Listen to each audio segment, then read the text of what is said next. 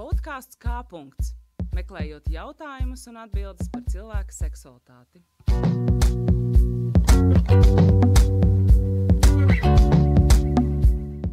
Meklē podkāstu kā punkts Spotify, Apple podkāstu, Podbeans, YouTube un RSU mājaslapā, kā arī seko RSU studentu mēdījām, Facebook un Instagram kontā. Esiet sveicināti! Mani sauc Diana Kiščenko, un šis ir podkāsts kā punkts, meklējot jautājumus un atbildes par cilvēku seksualitāti. Šīs trešās epizodes centrā būs bērni un jaunieši. Tieši tāpēc uz sarunu esam aicinājuši bērnu psihiatru Nikitu Bezbarodovu. Sveiks, Nikita! Sveiki!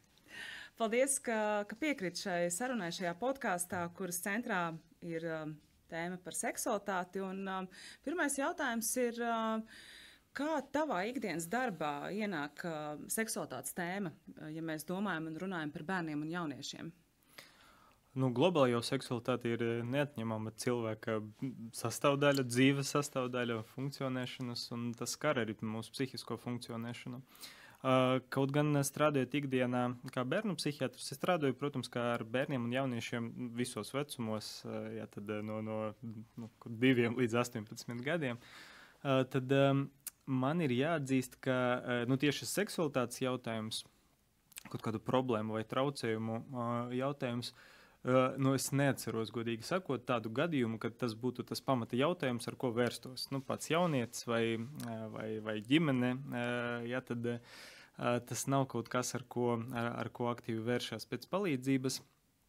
Uh, nu, droši vien, ka vairāku iemeslu pēc, un mēs varam arī parunāt uh, globāli, -hmm. kāpēc tas tā ir. Uh, bet, bet, protams, ka šīs tēmas parādās nu, piemēram, kontekstā īpaši ar, ar pusauģiem. Jā, ja mēs runājam par pusauģiem, tad tas ir tas vecums, kad, kad seksualitātes jautājums tiešām ir ļoti aktuāls. Identitātes jautājums ir ļoti, ļoti akūts. Un, un parasti tā tēma parādās kaut kur tālāk. Ja, tad, nu, nezinu, pusaudzis ir nonācis pēc palīdzības sakarā ar garstāvokļa traucējumiem, ar depresiju vai, vai paškaitējumu, suicīda mēģinājumus, piemēram. Un tad, nu, tad šķietinot to stāstu un mēģinot saprast iemeslus, Uh, nu, piemēram, mēs saprotam, ka, ka viens no tādiem būtiskiem faktoriem ir viņa homoseksuāla orientācija un ģimenes nostāja. Viņa nespēja komunicēt ar ģimeni, bailes, uh, kauns, kas ar to ir saistīts, jā, tad, uh, kas to garastāvokli būtiski ietekmē. Jā, kā, nu, tas ir kaut kas, kas parādās vēlāk. Jā, mēs sākumā redzam nu, tādu prezentējušu simptomu, kaut kādu citu grūtību. Uh, Un, un nu, tad tikai kaut kādā brīdī iespējams nonākam, iespējams arī nenonākam mm. līdz, līdz, līdz tam jautājumam. Jā, tad pēdējos gados nu, tas tieši varbūt nav saistīts ar seksualitāti, bet, bet tiešām ļoti aktualizējas identitātes jautājums, dzimuma identitātes un uh, dzimuma identitātes traucējumu. Jā, tad jautājums, par ko arī varam parunāt. Jā, kā parasti jā, līdz šiem jautājumiem mēs nonākam kaut kad vēlāk sadarbībā. Jau. Mm -hmm. Mm -hmm. Kas, kas ir, kā bērni, jaunieši nonāk uh, pie tevis? Nu, droši vien, ka tie ir uh, tiešām bērni, tad droši vien tie ir vecāki, mm -hmm. kas, kas vēršās. Um, zinu, ka tu arī darbojies jauniešu resursu centrā. Mm -hmm, pusauģu resursu Pusauģu, centrā, jā. jā. Um, un, un, vai tur ir kaut kā bišķiņa savādāk, ka tur tomēr paši jaunieši vēršās jā. individuāli, bez vecāku jā. iesaistes? Nu, vispār runājot par, par mūsu veselības aprūpes sistēmu, tad eh, nu, līdz 18 gadiem principā, tad, eh, pusaudzim nav eh, vēl pilnas rīcības spējas, respektīvi par, par, arī par viņu veselību ir atbildīgi vecāki. Un tad, nu, vēsturiski tā ir iegājis, ka, ka principā, lai saņemtu veselības aprūpi, tā skaitā arī psihiatrisko aprūpi, tad nu, tā vecāku klātbūtne un piekrišana ir, ir vajadzīga. Kaut gan pēc pacientu tiesību likuma no 14 gadiem pusaudzis var pats izdarīt lēmumus par savu veselību, bet, bet nu, parasti teiksim, valsts sistēma strādājot slimnīcā, ambulatorijā nodaļā kā bērnu psihiatrs, tad nu, vismaz tā pirmā vizīte, nu, tā pirmā tikšanās, mēs tomēr gribam redzēt visu ģimeni, arī vecākus. Un tad tālāk jā, var strādāt arī ar pusaudzi, pusaudzi atsevišķi. Un skaidrs, ka tas ierobežo to pieejamību. Jā, tad viens no mērķiem veidojot pusaudžu resursu centru bija tas, ka, ka nu, mēs tiešām zinām, ka pusaudži ir tāda īpaša cilvēku kategorija, tas ir īpašs dzīves periods, un, un viņam ir īpašas grūtības. Un vienmēr par tām grūtībām tik viegli runāt ar vecākiem. Jā, tad, un, lai viņiem efektīvi palīdzēt, lai tā palīdzība ir pieejama, tad nu, tiešām tā jābūt diezgan brīvai. Un tad pusauģu resursu centrā viens no tādiem uh, stūrakmeņiem ir, ka, ka arī pusaudzis pats var sakontaktēt dažādā veidā, zvanot vai, vai rakstot. Uh, jā, tad, dažādiem saziņas līdzekļiem, bet viņš arī pats var vērsties. Un tad, protams, ka, ka ļoti svarīgi ģimeni ir iesaistīt. Ja, daudzi jautājumi skar, skar ģimeni, bet nu, pēc būtības, ja īpaši par jauniešiem runājot, tad svarīgi, ka tā palīdzība ir pieejama. Mm. Mm -hmm. Tu jau nedaudz ieskicēji uh, vienu no, no tavas un arī kolēģu darba, darba virzieniem, sfērām, um, jautājumiem par uh, dzimumu identitāti. Mm. Um, Respektīvi, ja mēs konkrēti runājam par, par tādu terminu kā dzimuma vai, vai dzimtas disforija, mm -hmm. angļuiski gender dysphoria, kas tas ir? Kāda ir bijusi saskare tev, kolēģiem, mm -hmm. kas notiek Latvijā mm -hmm. šajā jautājumā? Uh, Cik gari tu gribi?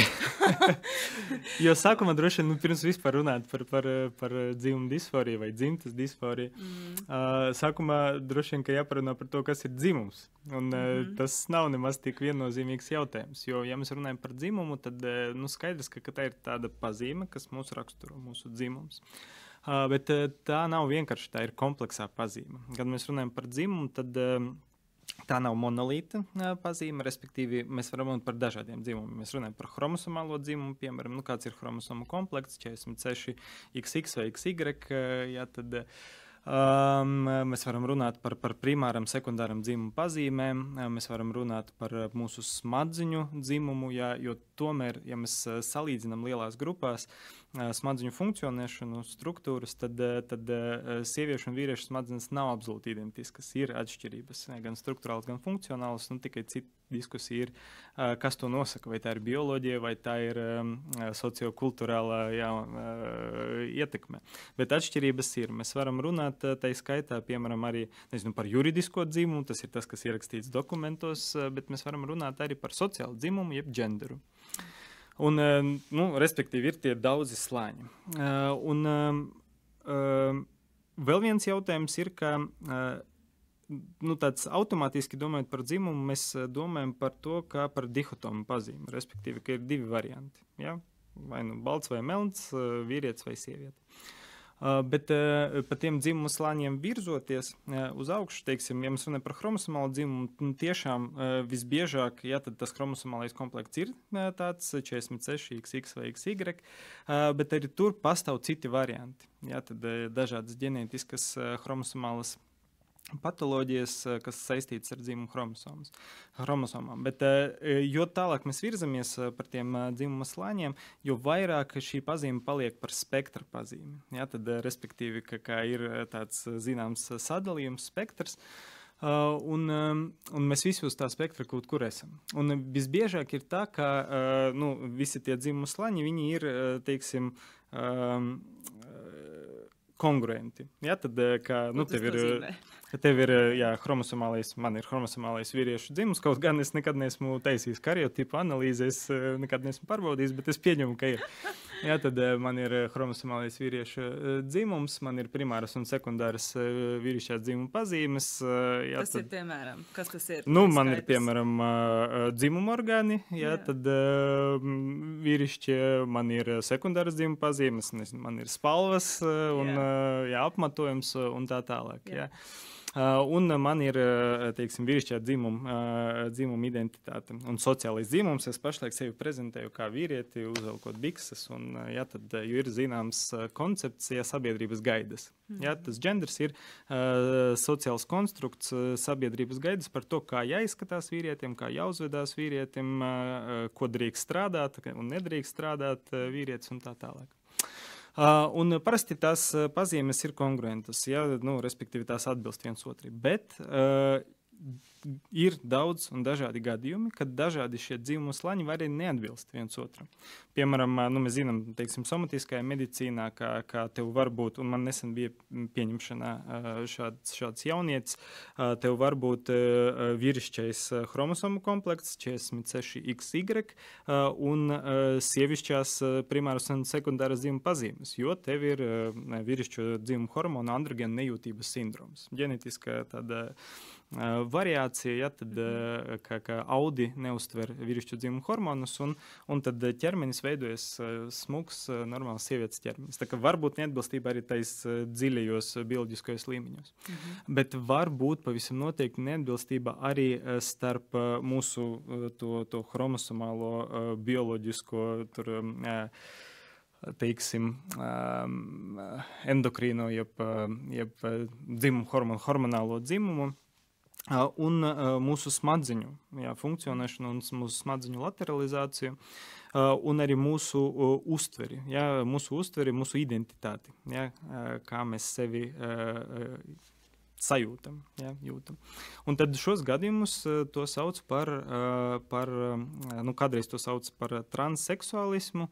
Ja tad tie nosaukumi mainās, ja dotie brīdī lieto biežāk nosaukumu dzimtas disforija, gender disforija. Un tas ir tieši tāpēc, eh, lai uzsvertu, ka eh, ļoti svarīga komponente ir nevis eh, tikai kā tu jūti savu identitāti, jo pēc būtības neviena identitāte nav patoloģiska. Mums katram ir kaut kāda identitāte, sevis mhm. izjūta. Tas kļūst par, par problēmu tikai tad, kad tava identitāte, tāpēc, ka tā neatbilst nu, kaut, kādai, kaut kādam bioloģiskai realitātei, piemēram, izraisa lielas ciešanas, lielu distresu, disforiju. Ja, un, arī, un tad tiešām tas ir gadījums, kad cilvēkam ir nepieciešama palīdzība. Jo medicīnas tas, tas hipokrātiskais kodols ir palīdzēt. Mēs gribam atvieglot ciešanas, mēs gribam uzlabot cilvēku funkcionēšanu. Ja, tad, nu, tāpēc tas nosaukums ir pašlaik tāds. Ja, un, nu, laikam, jaunie starptautiskā slimību klasifikācija, nu, tas nosaukums arī bija mainīsies. Tad tur pašlaik runa par dzimumu inkongruenci. Ja, tad inkongruences starp šiem te. Nu, ka, ka ir neatbildība atbilstības starp šiem te uh, dzimumu līmeņiem, starp, starp tur chromosomālo endokrīnu un tā tālāk dzimumu un dzimumu uh, izjūtu, dzimumu identitāti. Un, nu, principā šis nav nekāds jauns, jauns stāvoklis. Ja, tad cilvēki ar šādām grūtībām ir bijuši vienmēr. Uh, un uh, nezinu, ļoti laba filma, ko var noskatīties. Uh, nu, man personiski ļoti patika. Tā ir filma par pirmo transseksuālu cilvēku, kam tika veikta dzimuma korekcija, ķirurģiskā, ja tas ir Danish Girl. Ja. Um, filmas ļoti labi parāda gan tas, uh, nu, to iekšējo uh, sajūtu, ja tad uh, to, to izteikto uh, distresu, ko, ko cilvēks jūt ar to neatbilstību starp savu identitāti, savu psiholoģisko dzimumu un bioloģisko dzimumu, gan arī jā, nu, tās problēmas, kas to pavada. Tā, kā, tā nav jauna problēma, bet tas, ko mēs redzam, un tiešām to pasaules nu, pētījumi, kas ir notikuši, ļoti skaidri parāda, ka pēdējos pēdējās desmitgadēs tad, dzimuma identitātes traucējumu biežums stipri pieaug tiešām ļoti strauji pieaug. Un bija šī mainās tā dzimuma proporcija, jo, ja kādreiz eh, biežāk nu, pēc palīdzības vēršās, uh, teiksim, nu šeit man politiski jābūt korektam, nu var teikt, ka, ka ar vīriešu bioloģisko dzimumu, bet, bet sievietes psiholoģisko dzimumu, bet par to bioloģisko dzimumu tas tā tagad nav pieņemts runāt, runā par piešķirto vīriešu dzimumu. Uh, un uh, signed gender and experienced gender uh, un izjusto. Uh, un, un ļoti maz bija nu, bioloģiskas meitenes. Tad tagad tā proporcija ir mainījusies, un, un pēdējos gados mēs tiešām ļoti, ļoti lielā pārsvarā redzam meitenes bioloģiskās, jeb, jeb psiholoģiskus puišus, female to male. Uh, jauniešus, kas vēršas pēc palīdzības. Un, mēs esam paskatījušies arī, nu, ir tāda sajūta strādājot vienkārši klīnikā, bet mēs arī datus esam apkopojuši. Piecu gadu laikā pēdējo bērnu slimnīcā mums bija 28 pacienti, jaunieši līdz 18 gadiem, kas, kas ar šo problēmu ir nonākuši pie mums. Uh, un uh, nu, liels vairākums tas ir pēdējo pāris gadu laikā. Jā, mēs ikdienā tiešām saskaramies uh, ļoti intensīvi ar šīm grūtībām un, un, un mēģinam palīdzēt arī. Mm -hmm. Bet kas, nu, kas ir tie mēģinājumi palīdzēt, kas ir tie mehānismi? Es pat kādu laiku dzīvoju Nīderlandē, un mm -hmm. tur, tur, tur tā. tā tā, tā palīdzēšanas tāda kultūra vai tā, tā sistēma tur bija diezgan atstrādāta. Jā. Jau kurā vecuma posmā, ko tu vari darīt, Jā. kādus, kādus medikamentus, kādu hormonālo terapiju Jā. un vispārējo. Kas kā mums Latvijā soks ar šo? Uh, nu šeit tiešām uh, jāsaka, ka, ka šī ir diezgan tāda uh, specifiska problēma. Un, uh, lai uh, palīdzētu, lai ar to strādāt, ir vajadzīgi speciālisti, kas, kas tieši ar šo jautājumu uh, nu, ir pieredzējuši un kompetenti, un respektīvi jābūt tādai komandai speciālistu komandai, kas nav tikai psihiatri. Ja, tie ir psihiatri, bērnu endokrinologi, psihologi, psihoterapeiti. Jā, tā, tā ir lielāka komanda. Uh, Uh, un uh, nu, kaut kas tāds pamazām veidojas, uh, jā, bet, bet uh, dotajā brīdī, protams, ka, ka uh, nu, ne tuvu izcilībai mēs neesam. Jā, tad uh, tad nu, pašlaik tas ir tādā veidošanas procesā. Uh, bet uh, nu, vispār uh, to aizskari vairākus droši vien tādus jautājumus un momentus. Viens, uh, viens jautājums ir uh, par to, nu, kā mēs zinām, kā mēs varam palīdzēt. Jā, tad, uh, Ja mēs skatāmies uz visiem tiem pētījumiem, kas, kas ir notikuši nu, daudz jau gadu laikā, tad mēs diezgan skaidri zinām, ka nu, pirmkārt ir vienmēr mēģināts pētīt iemeslus. Ja, tad, nu, lai palīdzētu, mums ir jāsaprot uh, iemeslus. Un, ja mēs runājam par, par uh, identitāti kā, kā tādu vispār uh, kā pazīmi, skaidrs, ka uh, nu, tāpat arī runājot par, par jebkuriem citiem, jebkurām citām pazīmēm, kas cilvēku raksturo, uh, tā ir biopsihosociāla pazīme. Respektīvi, ir kaut kādi bioloģiskie pamati, un tie bioloģiskie pamati var būt saistīti piemēram ar to, ka uh, tā dzimuma veidošanās tā ir asinhrona, tā ir pakāpeniska. Ja tie dažādi dzimuma slāņi veidojas dažādos laikos, ja tad uh, chromosomālais komplekts veidojas tad, kad saplūst dzimuma šūnas, ja, bet uh, embrija uh, nu, pēc būtības dzimuma diferenciācija to sauc, ja, tad uh, nu, kādas pazīmes, dzimuma pazīmes veidojas primāras, uh, tas notiek notiek uh, grūtniecības sākumā. Smadziņu nobriešana un smadziņu uh, lateralizācija tā notiek grūtniecības beigu uh, fāzēs. Un pastāv iespēja, ka dažādi vidas faktori iedarbojas. Jā, mātes hormonālais fons, jā, ir arī kaut kādi bioloģiskie bioloģiskie iemesli, un arī pētot, piemēram, smadzeņu funkcionēšanu transseksuāliem cilvēkiem un cisseksuāliem cilvēkiem, tad mēs redzam, ka, ka tās uh, smadzeņu struktūras, kas ir dzimuma atšķirīgas, ja dzimuma dimorfisms to sauc, ja, tad uh, transseksuāliem cilvēkiem ir tuvākas, daudz tuvākas tam psiholoģiskam dzimumam, nevis bioloģiskam dzimumam. Tā kā, jā, ir kaut kādas bioloģiskās komponentes, bet neapšaubāmi, protams, ar to bioloģiju iedarbojas psihosociālie faktori. Jā, tad daudz un dažādi. Un, nu, tie, tie, tie traucējumi rodas tikai tajā miedarbībā.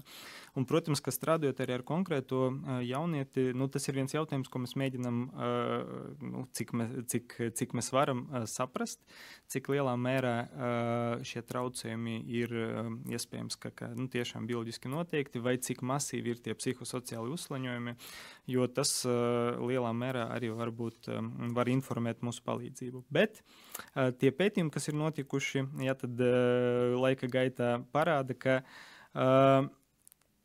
īsti tādas intervences, nu, ka, ka mēs varētu mainīt to psiholoģisko dzimumu, mainīt identitāti, nav. Ja? Tad mēs nevaram mainīt psiholoģisko psiholoģisko dzimumu. Ja, tad nu, tās intervences, kas mums ir pieejamas, tad mēs drīzāk varam mainīt to bioloģisko dzimumu, lai mazinātu disforiju. Un galvenais mērķis ir mazināt ciešanas un izvairīties no uh, sekām. Ja, jo nu, mēs zinām, ka, ka cilvēkiem ar dzimumu identitātes traucējumiem, uh, dēļ tām ciešanām, uh, viņam būtiski paaugstināts garastāvokļa traucējumu risks, suicīda risks. Ja, tad ļoti daudz un dažādi riski, un tas ir tas, ko mēs gribam novērst. Ja. Tad ka, ka mēs drīzāk varam, varam bioloģisko dzīvumu mainīt. Protams, ļoti svarīgi ir jā, sniegt psiholoģisko palīdzību, un, un ļoti svarīgi ir strādāt ar ģimeni, ar pašu jaunieti, jo vispār pusauģu periods tas ir tas periods, kad identitāte veidojas. Tā nav stabila. Jā, tad ir identitātes meklējumi dažādās sfērās, un, protams, tas skar arī, tas skar arī dzimumu, tas skar arī starp citu seksualitāti, jā, tad, nu, kas ir cits vēl jautājums, eh, seksuāla orientācija. Jā, tad, eh, tad eh, nu, mūsu mērķis ir palīdzēt, palīdzēt viņam to, to identitāti kaut kādā veidā noformulēt, stabilizēt, sniegt kaut kādu atbalstu, palīdzēt tikt galā ar trauksmi, jā, ar pavadušām lietām. Bet gadījumos, kad tiešām dzimuma identitātes, traucējumi ir izteikti un stabili, tad arī pusauģu vecumā mēs pielietojam jau arī bioloģiskās ārstēšanas metodes. Uh, Un tas, ko, ko mēs varam palīdzēt, ir, tad mēs varam piebremzēt pubertāti. Ja, jo bieži vien nu, ir divi tādi teiksim, veidi dzimuma disforija. Ir tā saucamā pirmspubertātes dzimuma disforija maziem bērniem, un ir pubertātes un pieaugušo vecumu dzimuma disforija. Un, nu, tā pieeja ir bišķiņa atšķirīga. Jo pirms pubertātes vecuma dzimuma disforija, ja, tad, nu, pirmkārt, to ir jāatšķir no dzimuma no nekonformas uzvedības. Ja, jo principā uzvedība, kas nav raksturīga dzimumam, ir ļoti izplatīta maziem bērniem. Nu, kaut kur vienam no no desmit puišiem ir tāda neraksturīga uzvedība Piemēram, vienai kāds. no piecām meitenēm. Jo, nu, kā sabiedrības stereotips, piemēram, sagaida, ka nu, tu esi puisis, tev jānesās zils, zila krāsa jāpatīk, jā, un tad jāspēlējas ar mašīnītēm un ar lēlēm. Nē, un, jā, un, un tur nu, kleitu nevar puisis vilkt un, un tā tālāk. Respektīvi, ir nu, vesela virkne ar tādiem dzimtas stereotipiem, ar ko jādraudzējas. Jo, principā, pirms pubertātes vecumā bērni biežāk izvēlās draudzēties ar sava dzimuma pārstāvjiem. Nu, tad tur bērnu dārza skolā, nu, tad puiši vairāk draudzējas ar puišiem, meitenes ar meitenēm. Ja? Bet vienam no desmit puišiem, kaut kur vienai no piecām meitenēm, viņa uzvedībai nav atbilstoša šim stereotipam. Ja? Tad ir meitenes, kas ir ļoti puiciskas, un viņam pat nepatīk tās leles un patīk spēlēties ar ar, ar mašīnām un skraidīt. Un, jā, tad, un principā tā, mēs zinām, ka, ka tas neko neliecina vēl. Ja, tad uh, visbiežāk uh, absolūtā pārsvarā šie bērni izaug uh, un kļūst par cisgendera heteroseksuāli orientētiem pārstāvjiem. Kas ir cis? Nu, ir tas tā terminoloģija, ko es izmantoju, tad transgender, tas ir cilvēks ar, uh, ar šo neatbilstību starp to, to bioloģisko, bioloģisko dzimumu un psiholoģisko. Un cisgender ir cilvēks, kam, kam atbilst. Jā. Respektīvi, droši vien lielākais vairums domā, nu tie normālie. Nu, es vai, vai, ļoti jo, cenšos izvairīties no šī vārda, jā, jo, arī, protams. jā, jo norma ir sociāli konstruēta, neapšaubāmi.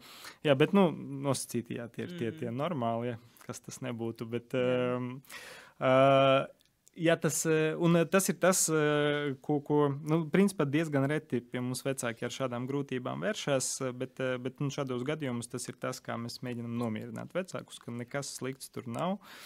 Jā, tad, un, nu, tikai ļoti, ļoti neliela daļa no šiem bērniem tālāk var saskarties ar, ar dzimumu disforiju.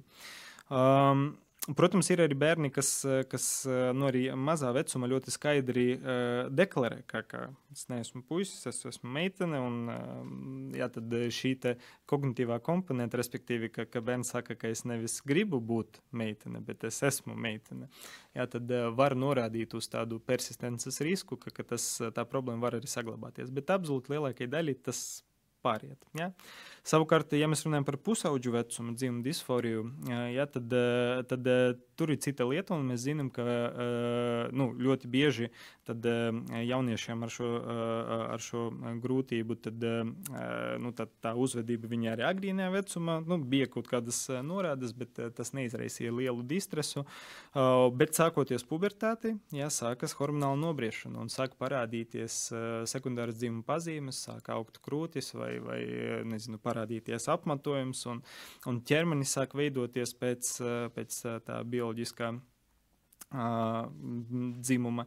Un uh, tad tas ir brīdis, kad uh, nu, šīs, šīs, te, šīs te distres, disforija var ļoti sāsināties.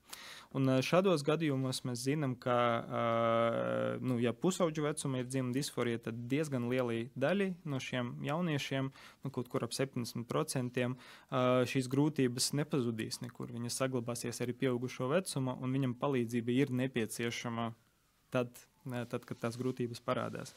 Mēs paskatījāmies arī bišķiņu to, to statistiku nu, nu, pašlaik no mūsu prakses, tiem 28 jauniešiem, kas ir bijuši mūsu redzes lokā.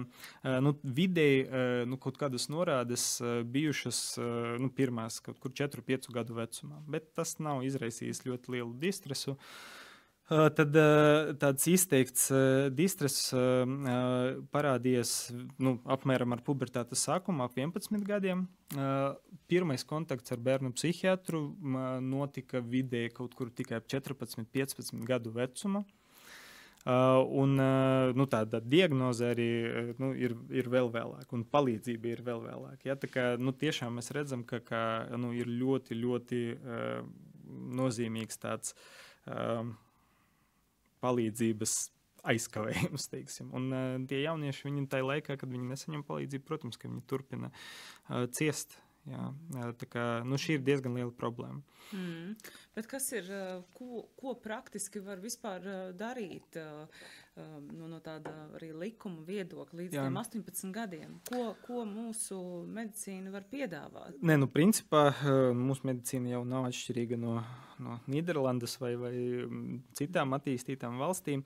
Tad šai vecumā Uh, pusauģu vecumā, nu, viens no, nu, ne, nerunājot par to, par tā psiholoģisko palīdzēšanu, ja darbu ar ģimeni, ar pašu pusaudzi, tad tas, kas ir iespējams, ir iespējams nobremzēt pubertāti, kā es pieminēju, lai atgriezeniski, un tā ir atgriezeniska terapija, piebremzēt šo sekundāro dzimumu pazīmju attīstīšanos. Tas nelikvidē dzimumu disforiju, bet tas mazina to distresu un ļauj nopirkt laiku laiku saprast sevi, veidot identitāti, tā skaitā saņemt kaut kādu psiholoģisko palīdzību, ja, tad tas ļauj nu, teiksim, aizkavēt kaut kādu neatgriezenisko lēmumu pieņemšanas brīdi. Un, jā, tad, nu, principā, Pēc pasaules vadlīnijām, tad eh, nu, gadījumā, ja tiešām mums ir stabila uh, un izteikta dzimuma disforija jaunietim, tad, tad eh, šo pubertātes bloķēšanu vajadzētu uzsākt nu, diezgan agrīnējās pubertātes stadijās, jo tad, tas potenciāli nākotnē, tas ir atgriezeniski, beidzot šo terapiju, tad atgriežas pubertāte pilnā planku, plaukumā, ja, bet, bet potenciāli tas var novērst kaut kādu tālāku ar nepieciešamību pēc nu, ķirurģiskās korekcijas un iejaukšanas un, un tā tālāk. Um, un eh, tad, eh, bet eh, šo te terapiju nevar turpināt ilgstoši, ilgāk par diviem gadiem, jo dzimumu hormoni ir svarīgi mūsu ķermeņa nobriešanai, mūsu kaulu sistēmas veidošanai. Ja, tad pēc diviem gadiem šādas terapijas, tad tomēr kaut kāds lēmums ir jāpieņem, vai nu to ir jāpārtrauc, vai, vai nu tad ir jāpiedāvā krosshormonālā terapija. Ko tas nozīmē? Tas nozīmē, ka, nu, ja pubertātes bloķēšanas mērķis ir nomākt tos dabiskos dzimumu hormonus un aizkavēt dzimumu nobriešanu, piebremzēt. Un to, piemēram, to terapiju lieto arī citos gadījumos. To endokrinoloģiju lieto gadījumos, kad ir priekš, priekšlaicīga pubertāte, pārāk agru sākusies, ja pārāk strauja. Mm. Tad, nu, tad šos medikamentus pielieto. Bet krosshormonāla terapija ir tā jau ir daļai atgriezeniska, respektīvi ir kaut kādi efekti, kas ir neatgriezeniski, un tā ir domāta, lai nomākt tos endogēnus dzimumu hormonus, dzimumu atbilstošus, nu, tad vīriešiem tas ir tie ir androgēni, jā, testosterons, sievietēm estrogēni, jā, un to aizvietot ar pretēji dzimuma, dzimuma hormonu. Ja, un, nu, protams, ka no, no hormonāla līmeņa at, ir atkarīga arī tad, eh, nu, sekundāro dzimumu pazīmju attīstība pavisam noteikti. Eh, Latvijā, cik man ir zināms, nav neviens nepilngadīgs pacients, kas būtu saņēmis eh, krosshormonālo terapiju. Bet ir vairāki pacienti, kas saņem pubertātes bloķēšanu -hmm. Dotajā brīdī. Uh, un, uh, nu, tad, uh, jā, pēc 18 gadu vecuma, tad, nu, šeit ir tāds ļoti tāda pelēka zona, es teiktu. Ja, jo, principā, līdz 18 gadu vecumam, pēc civila likuma par bērnu veselību, tāpat kā par daudzām citām bērnu labklājības jomām, ir atbildīgs vecāks. Bet uh, no 14 gadiem uh, pēc pacienta tiesību likuma jaunietis arī pats var pieņemt to lēmumu par savu veselības aprūpi. Jā, tur ir tāds arī no normatīva viedokļa neskaidrs periods no 14 līdz 18 gadiem. Bet praksē uh, jautājums par terapiju nu, tāpat vienmēr ir jautājums, uh, kas ir ar vecākiem, ar vecāku iesaisti, jo dotajā brīdī nu, neviena no šīm terapijām nav valsts apmaksāta. Tāpat Tad, ja ģimene izvēlās šo, te, šo te terapiju, tad nu, to ir pašiem arī jāapmaksā. Nu, Kādas skaidr... tās summas ir aptuveni? Ir kaut kāda. Uh, tās... grūti man pašlaik teikt, bet nu, tā nav lēta terapija. Mm -hmm. Jā, nu, tā arī pubertātes bloķēšana. Nu, tas ir atsevišķs jautājums, ko nākotnē vajadzēs risināt. Bet globāli runājot, protams, ka, ka ģimenes iesaistība jebkurā gadījumā ir svarīga. Un ģimenes atbalsts ir ļoti svarīgs. Un uh, daudz no tā, ko mēs darām, uh, nu, strādājot ar ģimeni, ir no vienas puses izglītot vecākus, jo nu, priekšstati par, par dzimumu un par seksualitāti ja, mēs esam novirzījušies no seksualitātes tēmas, sabiedrība ir ļoti, ļoti dažāda. Ja, tad, un ļoti bieži tā distresa viens no iemesliem, ko jaunietis izjūt, ir ne tik daudz viņa nu, tiešām ļoti liela neatbilstība, ja, tad, ka, ka viņš ir ļoti tālu prom uz tā spektra, bet tas, ka, ka ģimenes sistēma ir absolūti rigīda un nepieņem nekāda veida citādas izpausmes. Uh, Jā, tad eh, es atceros vienu, vienu jaunieti. Viņa nebija ļoti izteikta dzimuma disforija, jā, tad, eh, bet nu, diezgan nozīmīgs distress viņai bija. Tas vairāk bija saistīts ar to, ka uh, viņa ir bioloģiskā meitene, bet nu, viņai nepatīk tās meitenīgās lietas. Viņa grib nodarboties ar kickboksu, viņa grib nogriezt matus īsi, jā, viņa grib darīt kaut ko citu. Ģimene ļoti nu, patriarchāla, ļoti. Ļoti um, nu, tradicionāli, teiksim, jā, un ģimenes priekšstādā tas, tas nav iespējams. Ne, nu, kā, kā nevar, nevar griezt tos matus nost. Jā, tad nu, mūsu palīdzība tajā brīdī bija, ka nu, palīdzēt ģimenei. Nu, pieņemt tās, tās jaunietes identitātes meklējumus, atļaut uh, izpaust savu identitāti, jā, tad, eh, un izdarot to, nu, viņas distress būtiski mazinājās. Ja tas nebija tas gadījums, kad ir nepieciešama bioloģiskā iejaukšanās. Mm. Jā, tā kā nu, ģimene ir ļoti svarīgi iesaistīt, jā, tad uh, to mēs arī mēģinam darīt. Bet no 18 gadiem, kā jau sāku, tad, tad protams, ka, ka, nu, tas jautājums ir cilvēks var pats pieņemt to lēmumu. Protams, ka ja, ja šīs te, nu, veselības traucējumi pēc definīcijas ir, tad, tad jā, krosshormonāla terapija un arī ķirurģiskā korekcija Latvijā, cik man ir zināms, pieaugušo vecumā notiek. Mm. Bet nav tādas skaidri noformulētas sistēmas, nav skaidrs arī piemēram par dzimuma juridisko maiņu, kādi nu, tie nosacījumi, kas, kas Latvijai ir, tādi nav ļoti nu, nav saprotami, teiksim, medicīniski runājot. Mm. Ir daudz jautājumu, ko, ko vajag sakārtot, un uh, tos jautājumus neizbēgami vajadzēs sakārtot, jo, kā jau teicu, mums arvien vairāk ir šo jauniešu. Un šeit ir tas interesantais jautājums, kāpēc. Un, nu, kad es, es pats mēģināju par to kaut kā domāt un fantāzēt, tad, tad nu, manuprāt, viens no iemesliem absolūti noteikti, nu, tāpat kā runājot ar seksualitāti, tur ļoti daudz sociokulturālo un, un nu, tādu jā, globālo procesu, makrosociālu procesu, kas to ietekmē. Uh, un runājot par dzimumu identitāti, tad nu, vēsturiski tad, pastāv ļoti skaidrs tas gender stereotips. Dzimtas stereotips, jā, ļoti skaidri priekšstati par to, kā jāizskatās vīrietim, kā jāuzvedās un ko, ko jādara, un ko drīkst sieviete un ko nedrīkst sieviete. Jā, tad ļoti skaidrs dihotoms sociālais dzimums. Un šādā gadījumā nu, tad, tas skaidri dihotomais sociālais dzimums spiež uz to bioloģisko daudzveidību, smadzeņu daudzveidību un faktiski piespiež izvēlēties, nu, kam, kam tu pieder. Ja? Un tikai tie cilvēki, kas uz tā spektra ir ļoti tālu prom, nu, kā, kā tas pieminētais gadījums, filmā aprakstītais The Danish Girl, jā, viņi visos laikos ir krituši ārā no tā dzimtas stereotipa un izjutuši to izteiktu distresu. Bet lielākā daļa, nu, viņi kaut kādā veidā ir piespiesti būt konformi ar to eh, dzimtas stereotipu. Bet uh, 20. gadsimtā pasaule ir mainījusies. Jā, otrais pasaules karš, mainījies ekonomika, jā, tad eh, nu, tāda patriarchāla ģimene faktiski ir pazudusi. Viens cilvēks vairs nevar uh, uh, nodrošināt ģimeni. Nu, tad sieviete arī ir jāstrādā, ir sieviešu līdztiesības uh, kustība. Uh, uh, respektīvi, 20. gadsimta, nu, kas ir ļoti laba un atbalstama, bet, eh, bet eh, tas nozīmē, ka 20. gadsimta laikā eh, šīs dzimtas stereotipi sociālie, viņi vairs nav tik tik skaidri, tik dihotomi. Ja, tad tas uh, sociālā dzimuma stereotipa spiediens ir bijis pacēlies. Ja. Uh, un tas nozīmē, ka tas ļauj vairāk cilvēkiem, kas kaut kur ir pa vidu uz tā spektra, uh, ļauj vairāk izjust savu citādo identitāti, uh, bet tas stereotips nekur nav pazudis kā tu droši vien zini, un es zinu, jā, tad uh, tas nekur nav pazudis. Šodien uh, man varētu būt vēlme uzvilkt uh, svārkus, piemēram, kaut gan šodien nav tā diena, bet nu, es nevaru atļauties sociāli šodien atnākt pie tevis uz interviju. Svārkos. Ja, tā kā joprojām tas dzimtas stereotips ir, tikai tas nav tik izteikts. Ja, un tad tie vairāk cilvēku spēj izjust to distresu. Uh, un uh, nu, tad viņi arī nāk pēc palīdzības vairāk. Un šīs ir ļoti interesants jautājums, kur virzās uh, sabiedrības attīstība. Jo um, nu, šis ir viens no iemesliem, kāpēc šo traucējumu izplatība pieaug. Un uh, globālais risinājums, nu, ir divi globāli risinājumi. Vien, viens ir, ka, ka nu, atgriežas tas uh, stingrais dzimtas stereotips, kas uh, nu, nu, ļoti dažādi. Priekšstati sabiedrībā, vai tas ir vēlami, vai tas nav vēlami.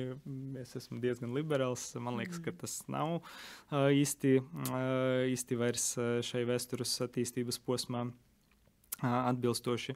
Jā, bet, bet nu, vēl viens ir, ka, ka kaut kādā brīdī tas sociālais dzimtas stereotips pavisam pazūd. Vairs nav nekāda tā spiediena, tu vari izpaust savu identitāti tā, kā tu to jūti. Un tad šodien, ja man ir doma, ka, ka vajadzētu uh, gaumīgi uh, zilus nagus uzkrāsot, uh, ka es to mierīgi varētu arī izdarīt. Un pie tevis atnākt un, un varbūt arī lūgt mani uzrunāt uh, sieviešu dzimtē. Jā, tad, un tas neizraisītu sociālo uh, tādu uh, reakciju un pretestību, tas būtu normāli. Jā, tad, tad droši vien arī lielā mērā pazudīs problēma ar dzimumu identitātes traucējumiem. Un tad varbūt mēs to tik ļoti sabiedrība arī to nestigmatizēs un nepadarīs nu, tādu kā tādu, um, nu, kā arī tu runā par, um, nu, par tādu kā.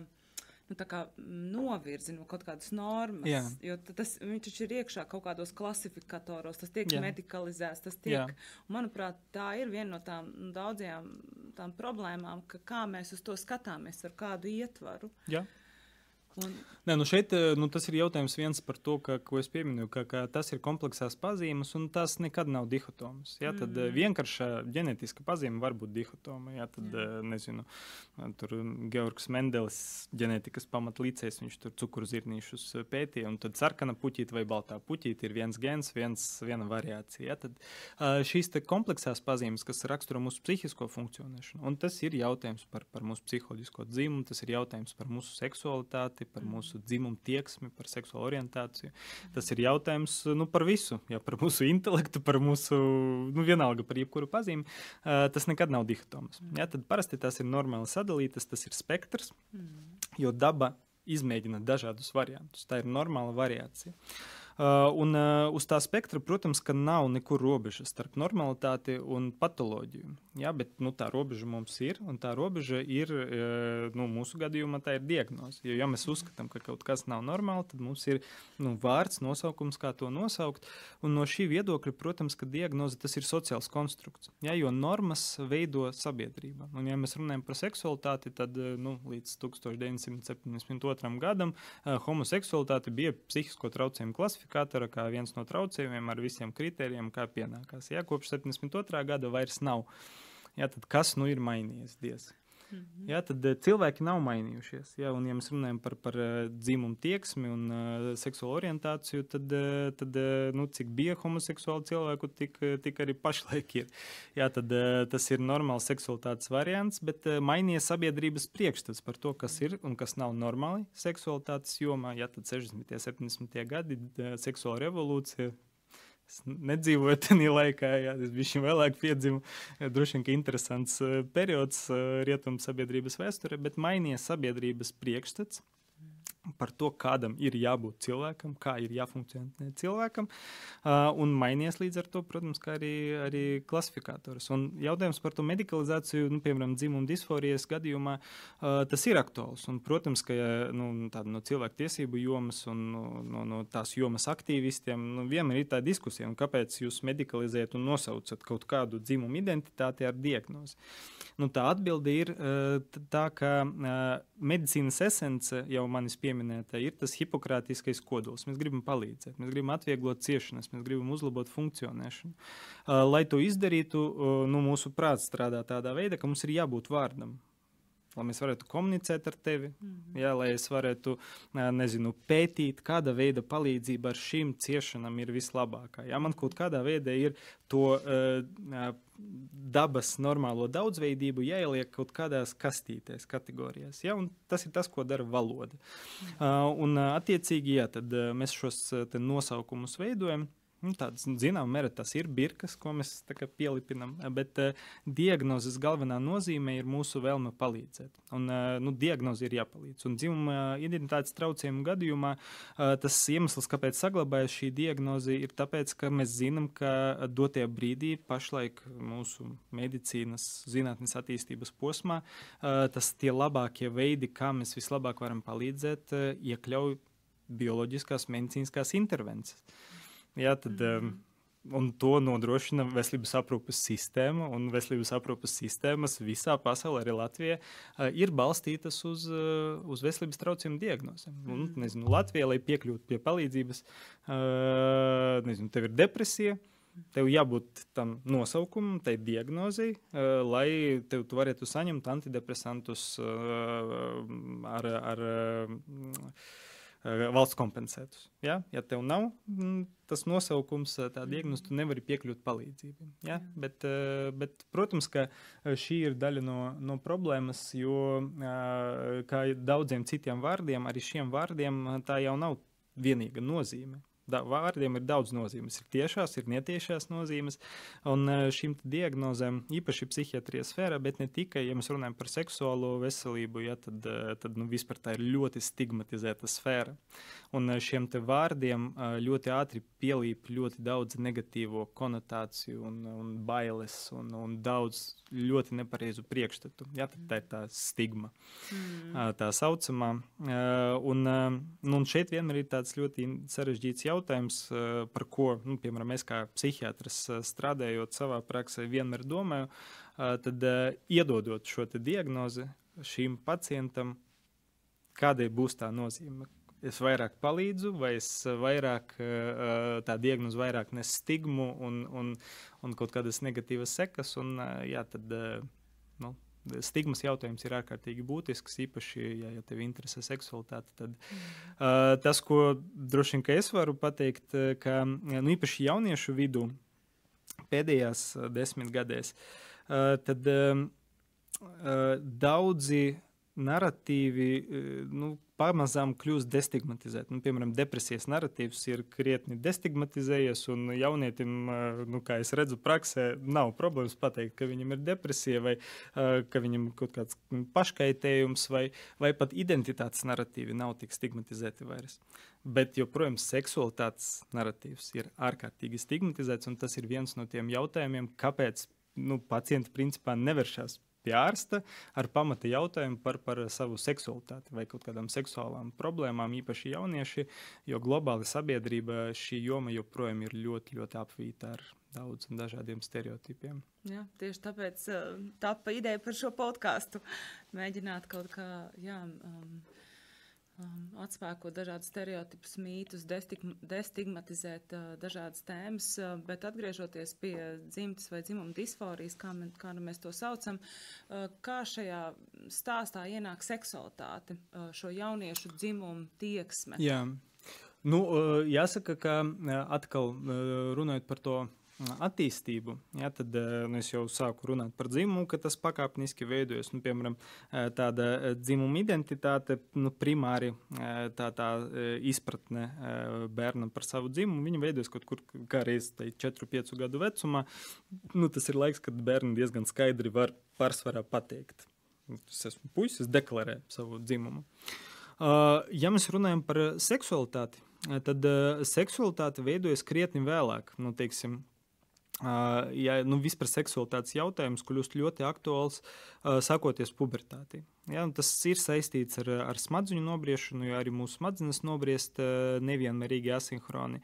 Ja, tad bērnam piedzimstot, tikai tās smadzeņu daļas, kas ir ļoti, ļoti vecas evolūcionāri, jau ir nobriedušas. Ja, tad smadzeņu stumbrs, hipotālāms, tas ir tās reptiļu smadzenes, tā saucamās. Tas ir tās smadzeņu daļas, kas man un tev ir kopīgas ar ķirzaciņu. Ja, tad, nu, kuru ir spontānas elpošanas centri, sirdarbības regulācijas, primāras dzīvības funkcijas, kas ir vajadzīgas jau nonākot ārpus mammas vedera ja, tad eh, tās smadzenes nobriest ļoti ātri. Uh, bet uh, pārējās smadzeņu daļas vēl nav noformējušas. Un tad tas nākamais stāvs, nākamais smadzeņu attīstības līmenis ir tā saucamā zīdītāju smadzenes. Ja, tas ir tās smadzeņu daļas, kas mums ir kopīgas ar visiem zīdītājiem. Nu, tur man un sunītam ir daudz kas kopīgs smadzeņu ziņā, un tas, kas mums ir kopīgs, tā ir limbiskā sistēma. Tie ir daudz un dažādi zemgarozes kodoli, mandeļveida kodols ir dzirdēts, varbūt amigdala, ja, hipokamps, septum pelucidum, nukleus akumbens, ļoti daudz sarežģītu latīnisko nosaukumu, bet šo smadzeņu daļu viena no ļoti svarīgām galvenām funkcijām ir viss, kas ir saistīts ar dziņām ar afektiem, ar emocijām, ja tad trauksme, bailes, amigdala, eh, prieks, gandarījums, tā ir soda atalgojuma sistēma, ja, kas ir eh, iesaistīta ļoti, piemēram, atkarības procesu veidošanā. Uh, seksuālās ziņas, agresīvās ziņas, ja, tad tas viss ir lielā mērā limbisks. Uh, un tad, kad sākas pubertāte, tas ir signāls par to, jo hipofīze, nu, tas ir tas iekšējais sekrecijas dziedzers, kas regulē visus pārējos iekšējos sekrecijas dziedzerus un dod signālu dzimumu dziedzeriem strād, sāk strādāt un ražot hormonus. Ja, tad pubertātes sākums tas ir signāls, ka hipofīze ir aktivējusies, un tas nozīmē, ka limbiskā sistēma ir nobriedusi. Tā ir kļuvusi ļoti aktīva, un ir ļoti daudz ziņu. Aktivēs seksuālas ziņas, parādās interese, seksuāla tieksme parādās, um, agresīvās ziņas un nu, viss kas. Bet tas pēdējā smadzeņu daļa, kas nobriest, kas parādās arī evolūcionāri pēdējā, un kas pēdējā noformējas mūsu individuālā attīstības procesā, tā ir pieredze prefrontālā garoza, pieredzi devis garoza. Uh, un uh, tas process ir lēns. Un viss, kas ir saistīts ar pieredzi devis garozu, tas ir jautājums paškontrole, pašregulācija, bremzēšana, dažādu impulsu bremzēšana, emocionālo un, un citu impulsu. Un, un tā tālāk, un tā joprojām to sauc par vadības funkcijām. Ja, tad tās funkcijas kopā ar to smadzeņu daļu nobriest līdz pat 30 gadu vecumam. Tas ir ļoti ilgs un tāds mokošs process. Un tad, jebkura cilvēka dzīvē ir periods, kad viņam limbiskā sistēma jau ir nobriedusi un kļuvusi ļoti aktīva, bet uh, prefrontāla garoza vēl turpina attīstīties, vēl nav pilnībā funkcionāla. Un to periodu sauc par jaunību. Jaunība nu tā, no mana kā psihiatra viedokļa eh, sākas līdz ar pubertātes eh, sākumu un beidzās ar pilnu prefrontālas garozes nogriešanu, kas ir nu, 25, 26, varbūt pat 30 gadu vecums. Bet tas ir periods, kad nu, viens, protams, ir ļoti daudz attīstības uzdevumu, ja tad tā identitāte, savas identitātes veidošana. Um, bet, ja no, no tāda psihiatriskā viedokļa, ar ko mēs saskaramies, protams, ka loģiski līdz ar šo smadzeņu attīstību pieaug dažāda veida riski. Ja, jo viss, kas saistīts ar emocijām, ārkārtīgi sāsinās. Ja, tad, ja maziem bērniem depresijas izplatība ir nu, samērā maza, tik līdz iestājas pubertāte, tad depresijas izplatība pieaug līdz pubertāte pieaugušo, vai varbūt pat pārsniedz pieaugušo ciparus, kaut kur 8-10% jauniešu ir pietiekoši nozīmīgi garastāvokļa traucējumi. Jā, tad pieaug augsta riska uzvedības varbūtība. Jā, tad, tas, piemēram, nozīmē. Nu, piemēram, nu, piemēram, nedrošs seksuāls kontakts. Mhm. Tā ir augsta riska uzvedība, neapšaubāmi, jo tā ir saistīta ar ļoti augstu um, tur, um, nevēlamas grūtniecības risku, tur, uh, seksuāla transmisija, jā, STS risku un tā tālāk. Jā, uh, vielu lietošana, dažādu vielu, uh, traumatisms pieaug. Jā, uh, un tas ir saistīts. Uh, nu, Attīstības ziņā ar to, ka, ka ir ļoti daudz uh, impulsu, uh, ziņu, tieksmju, jā, emociju, bet tās regulācijas spējas vēl nav pilnīgi nobriedušas. Ja, tad, nu, tas ir viens, un strādājot ar pusauģiem, viens no tādiem ļoti saprātīgiem mērķiem, ko mēs mēģinām tad, panākt un turēt prātā, strādājot ar, ar, ar jauniešiem šeit vecuma posmā, ir palīdzēt viņam izdzīvot. Izdzīvot šo dzīves periodu, neizdarīt kaut kādus lēmumus, kas ir neatgriezeniski, jo, ja tu izdzīvo, tad ar daudzām lietām kļūst labāk. Jā, tad uh, bija kādā brīdī tāda kampaņa, liela interneta, angļu valodā, it gets better. Jā. Uh, tā kā tiešām kļūst labāk ar daudzām lietām, ja, ja tu izdzīvo. Tā kā, nu, tas ir tas mindsets, ko, ko tiešām strādājot ar jauniešiem, mēs, mēs ļoti skaidri turam prātā. Un tas skar arī seksuālo veselību. Un tā ir atsevišķa plaša joma, kur droši vien es neesmu galvenais eksperts, bet uh, Uh, bet uh, bet nu, Latvijā pavisam noteikti mums ir ļoti daudz dažādu problēmu šai, šai ziņā. Mm. Bet atgriežoties pie, pie dzimtas dzimuma disforijas, šo bērnu, jauniešu uh, stāstos, kā tur nāk iekšā šis uh, seksualitātes mm. uh, aspekts? Jā, es neatbildēju uz tavu jautājumu. Tad, uh, nu, tā atbilde ir, ka, ka jā, respektīvi Dzimuma identitāte un uh, seksualitāte ir, uh, ir pazīmes, kas veidojas dažādos posmos un, uh, un kas uh, tiešā veidā nav īsti saistītas. Respektīvi, uh, nu, cilvēks, es cisgender cilvēks, var būt homoseksuāls un heteroseksuāls. Tāpat arī cilvēkam ar, ar dzimtas disforiju var būt tieksme pret, pret vīriešiem vai pret sievietēm. Uh, Uh, bet šeit parādās ļoti sarežģīts tāds terminoloģisks jautājums. Kā tad to nosaukt? Ja, tad, nu, piemēram, jaunietis ar, ar, ar piešķirto sieviešu dzimumu, bet izjusto vīriešu dzimumu, ja viņam patīk puiši. Tad kā, kas viņš ir? Viņš ir he, homoseksuāls, transgender cilvēks, vai viņš ir uh, Respektīvi, jā, nu, ļoti sarežģīti. Un, un ir nu, terminoloģijas viedokļa tāds piedāvājums, lai izvairīties no šīs pārlieku sarežģītības, visiem cilvēkiem lietot uh, divus terminus - ja, androfils vai genofils. Neatkarīgi no tā, kāds ir tavs uh, bioloģiskais dzimums, uh, tava dzimuma identitāte. Ja tev patīk sievietes, tad tu esi genofils, ja tev patīk vīrieši, tad tu esi androfils. Ja. Mm -hmm. Bet, eh, bet principā, jā, tiešām eh, arī jauniešiem ar, ar dzimumu identitātes traucējumiem viņam var būt eh, ļoti dažāda seksuāla orientācija. Jā, tā kā tie nav tiešā veidā saistīti jautājumi. Mm. Bet, bet tas, es, iespējams, es domāju, ka tas var papil, radīt papildu distresu. Jā, tā kā protams. tu saki, ka viens ir tas, ka man ir jāsaprot, jā. kas es esmu, bet jā. vēl taču ir nu, kā lai es, piemēram, uzrunāju to meiteni vai puisi, kas man patīk. Un, ja es īsti nesaprotu, kas, kas ar mani notiek. Tur nāk daudz un slāņi un slāņi ar, ar visādām, visādām sarežģītībām. Mm. Jo es jau pieminēju, nu, arī runājot par, par jauniešiem ar cisgender jauniešiem. Ja, tad, ja mēs runājam par seksualitāti, tad tas ir ārkārtīgi sāpīgs jautājums. Un, un, nu, mēs zinām arī, protams, ka Latvijā nav ļoti daudz datu. Jā, bet, bet kaut kādi dati ir un ir bijuši arī tādi populācijas līmeņa pētījumi. Ja, Dārta, piemēram, ir laikam, 18. gada bijis pētījums, kas, kas parāda, ka, ka nu, jauniešiem 15, 18 gadu vecumā lielākā daļa nekad vispār nav runājuši par seksualitāti ar, ar saviem vecākiem.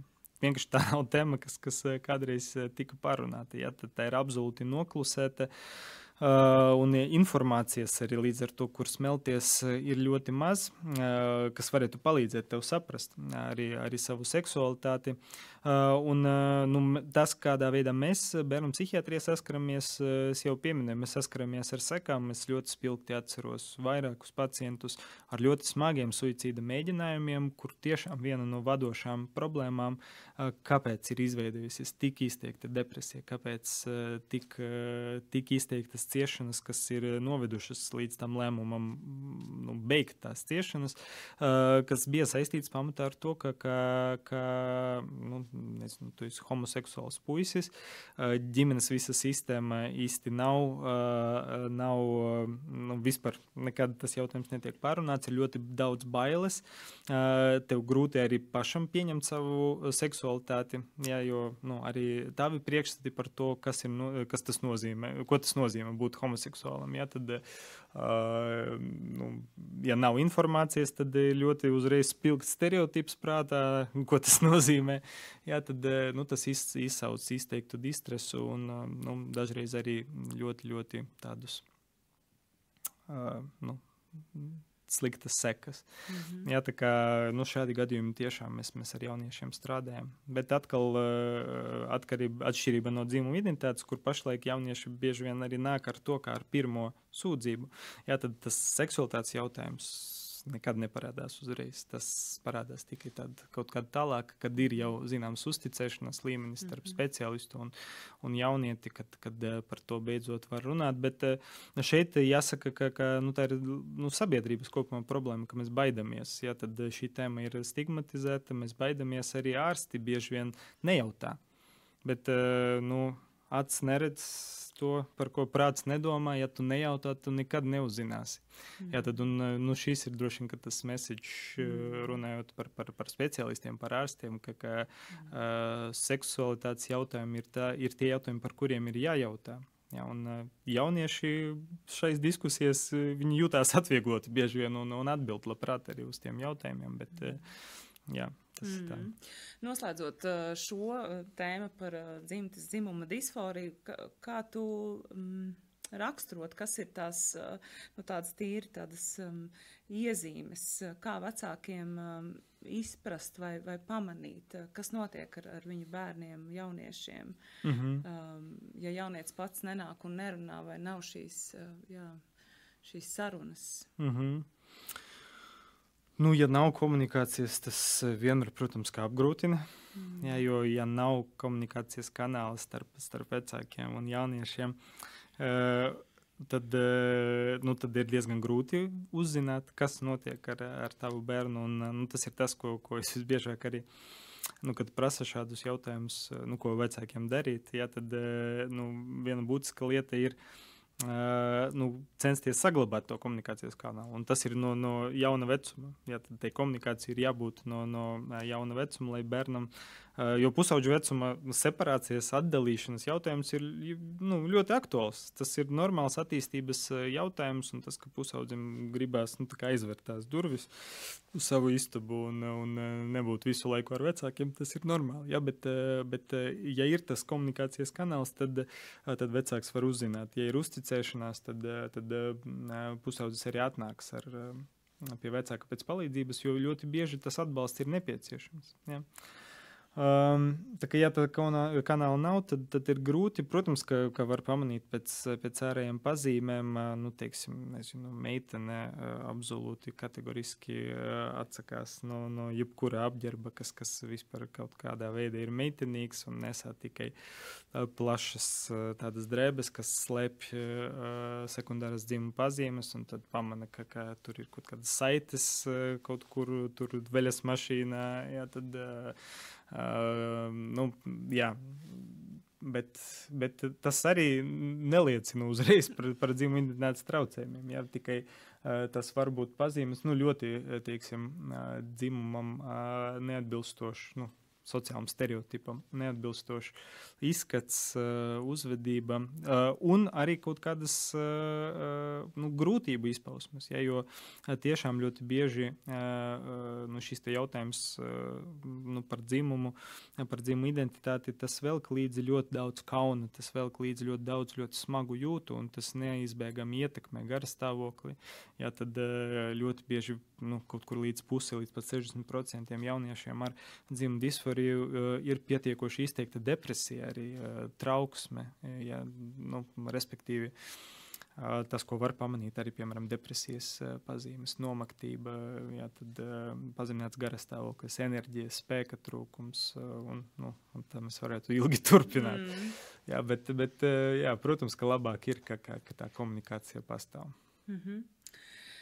Pārējot uz um, tādu otru tēmu, kas noteikti arī um, mūsu sabiedrībā, varbūt arī mm, pasaulē plašākā mērogā nav vienkārša un, un arī ļoti vien maz par to tiek runāts, un par to ir droši vien jārunā vairāk, ir par pornogrāfiju, mm. pornogrāfisku raksturu saturu un, un, un bērniem un jauniešiem, kas, mm -hmm. kas, kas to redz un piedzīvo.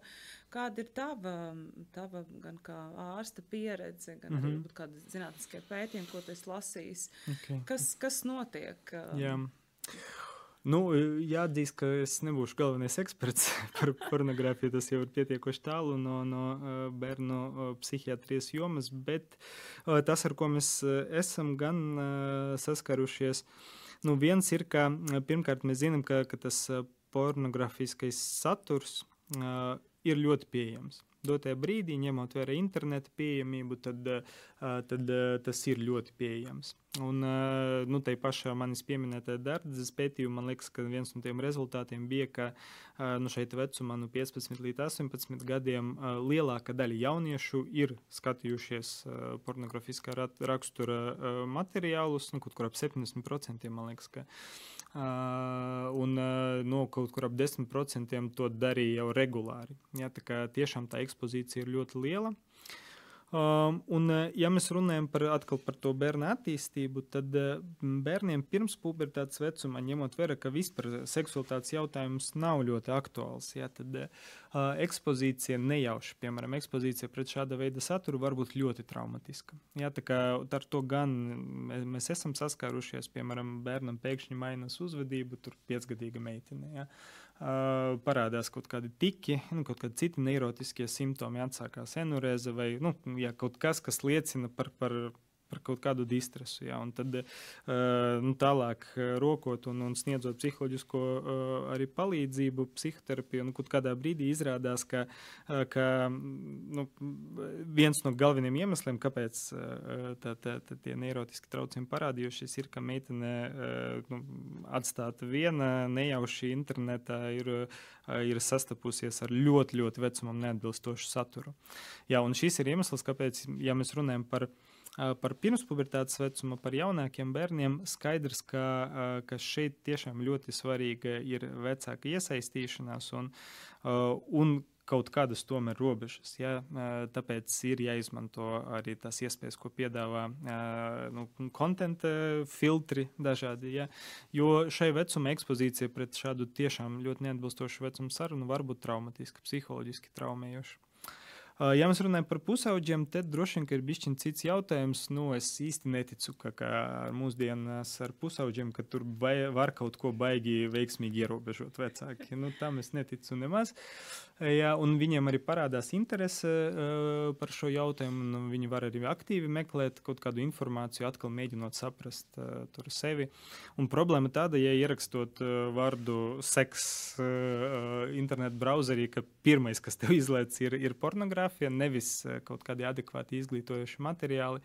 Uh, un, kā mēs jau zinām, ģimene par to nerunā nemaz.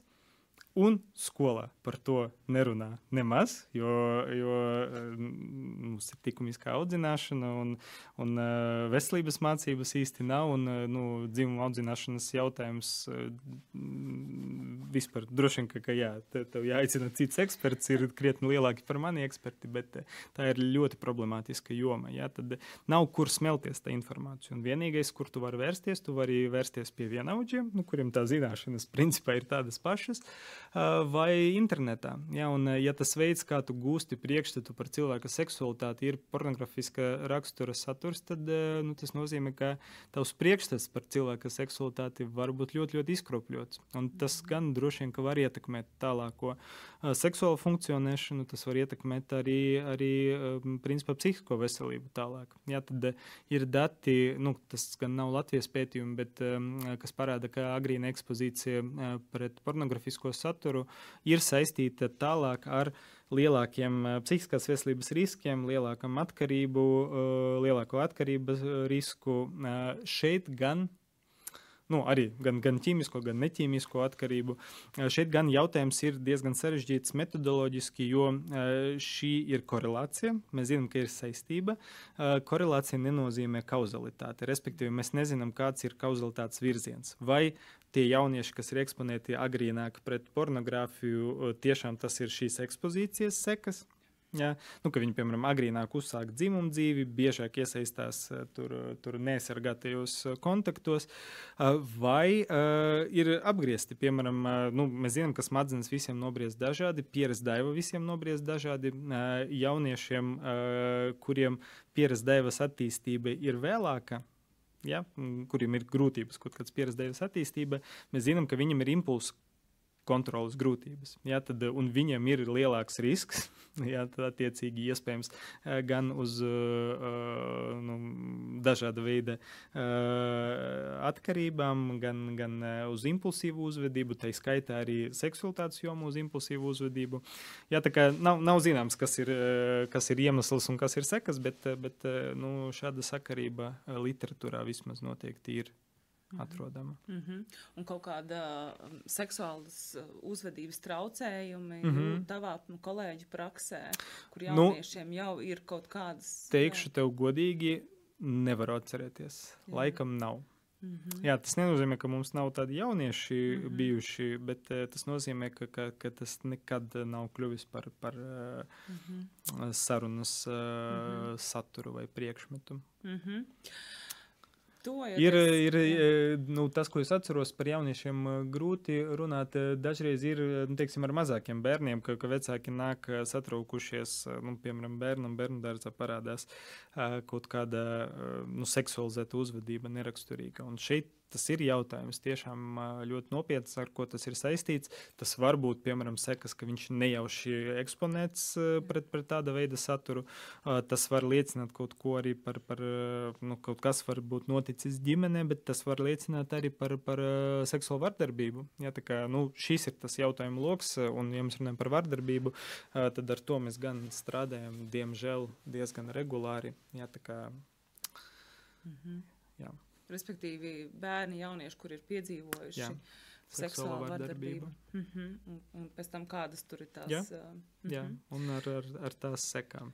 Mm -hmm. Tiešām un, un attālinātām arī. Mm -hmm. Tuvojoties mūsu sarunas noslēgumam, vēlējos arī pajautāt par, par zinātniskiem pētījumiem Latvijā, pasaulē. Mm -hmm. Kas Latvijā, nu, ok, varbūt mums nav pētījumi, nu, mums, nu, mums ir bijušas kvantitīvas aptaujas mm -hmm. par, par, par pornogrāfiju jauniešu vidū, ko tu jau pieminēji. Uh, Um, bet vai ir vēl kaut kas, kas, kas Latvijā mums tiek darīts, varbūt ne yeah. konkrēti ar seksualitāti un, un yeah. bērniem, jauniešiem, bet vispār bērnu psihiatrijā? Ah, nu, tad, nu labi, ja saku, tad te ir droši vien divas daļas. Yeah. Uh, pirmā daļa ir runājot par, par jauniešu seksualitāti, un šeit, diemžēl, man ir jāsaka, ka varbūt ņemot vērā tieši to, ka, ka, ka mūsu sabiedrība šīs jautājums uh, ir uh, tabuēts un stigmatizēts. Nu, tas ir saistīts ar visu, ko tas izpaužās mūsu izglītības sistēmā un, un uzskatos. Tas izpaužās tā skaitā arī mūsu pētniecība, jo man īsti nav zināms Latvijā pētnieks vai grupa, kas, kas mērķiecīgi tiešām interesētos un pētītu jauniešu seksualitātes jautājumus, kas ir ļoti, ļoti interesants. Un, ko var pētīt no visādiem aspektiem. Nu, viens ir no veselības aspekta, bet un, nu, no, no veselības, sabiedrības veselības aspekta es teiktu, ka, ka mums ir bišķiņa dati. Jā, tad uh, periodiski notiek arī nu, tādas lielas aptaujas, uh, piemēram, skolēnu. Uh, veselības uh, pētījums, veselības uzvedības pētījums, ABHC, Health Behavior in School Age Children, uh, kas katras nu, regulāri notiek. Nu, tur mums bišķiņa, piemēram, zināšanas, ka tur 15 gadu veciem jauniešiem uzdot jautājumu par, par, par viņu seksuālu pieredzi, un mēs zinām, ka kaut kur ap nu, laikam, 15%, 15 gadu vecu jauniešu, viņam jau ir bijusi seksuālā pieredze. Ja, tad, un tad viņam jautā arī par to, par, par prezervatīvu lietošanu. Laikam no tiem, kam bija kaut kur ap 70%, tikai ir lietojuši prezervatīvu nu, tās, tās seksuāla kontakta laikā, ja, kas ir ļoti satraucošs cipars, godīgi sakot. Mm. Ja, tā kā bišķi mums dati ir sabiedrības veselības jomā, bet nu, tas tie veidi, kā uz to var skatīties, ļoti daudz un dažādi. Nu, mēs ar tevi pārsvaru šodien esam runājuši patiesībā par tādiem sociāli antropoloģiskiem aspektiem, un jā, tad, uh, sociokulturāliem, un, un uh, tur tiešām ļoti daudz, nu, kaut vai jautājums, kāpēc mūsu Latvijas sabiedrībā šīs seksualitātes jautājums ir tik ļoti, uh, tik ļoti joprojām sāpīgs un stigmatizēts, vai tas ir saistīts ar vēsturisko kaut kādu um, bagāžu vai, vai grūti teikt. Neviens to nezina. Jā, tā kā tur būtu ko pētīt. Bet, um, jā, notiek kaut kādi studentu pētījumi, šai jomā.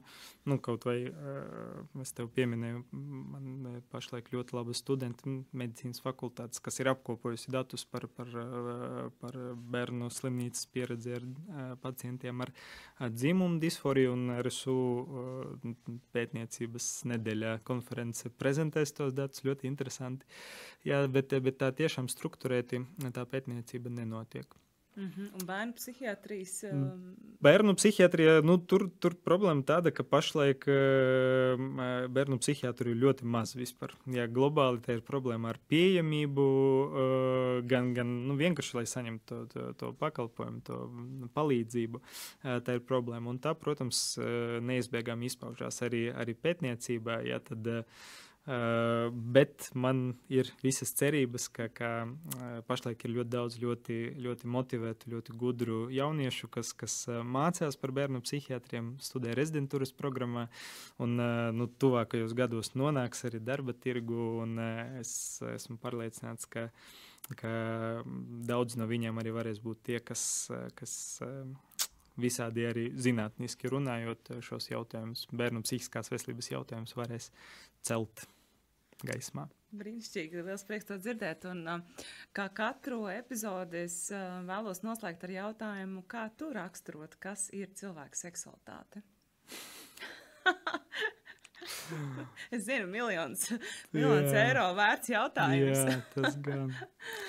Un droši vien ne, zinu, ne vienkārši, bet um, jā, kāda. Nu, nu, nu droši vien, ka es varētu tā izvairīties no šī jautājuma, pasakot to, ko es jau esmu pateicis, ka, ka manuprāt, tā ir uh, dabiska, obligāta uh, dzīves uh, sastāvdaļa jā, mums visiem. Tā nav vienkārša lieta. Droši vien, ka nevienam Ja. Uh, īpaši pusaudžiem tā nav vienkārši lieta, bet arī pieaugušiem cilvēkiem tas uh, nav nekas tik vienkārši.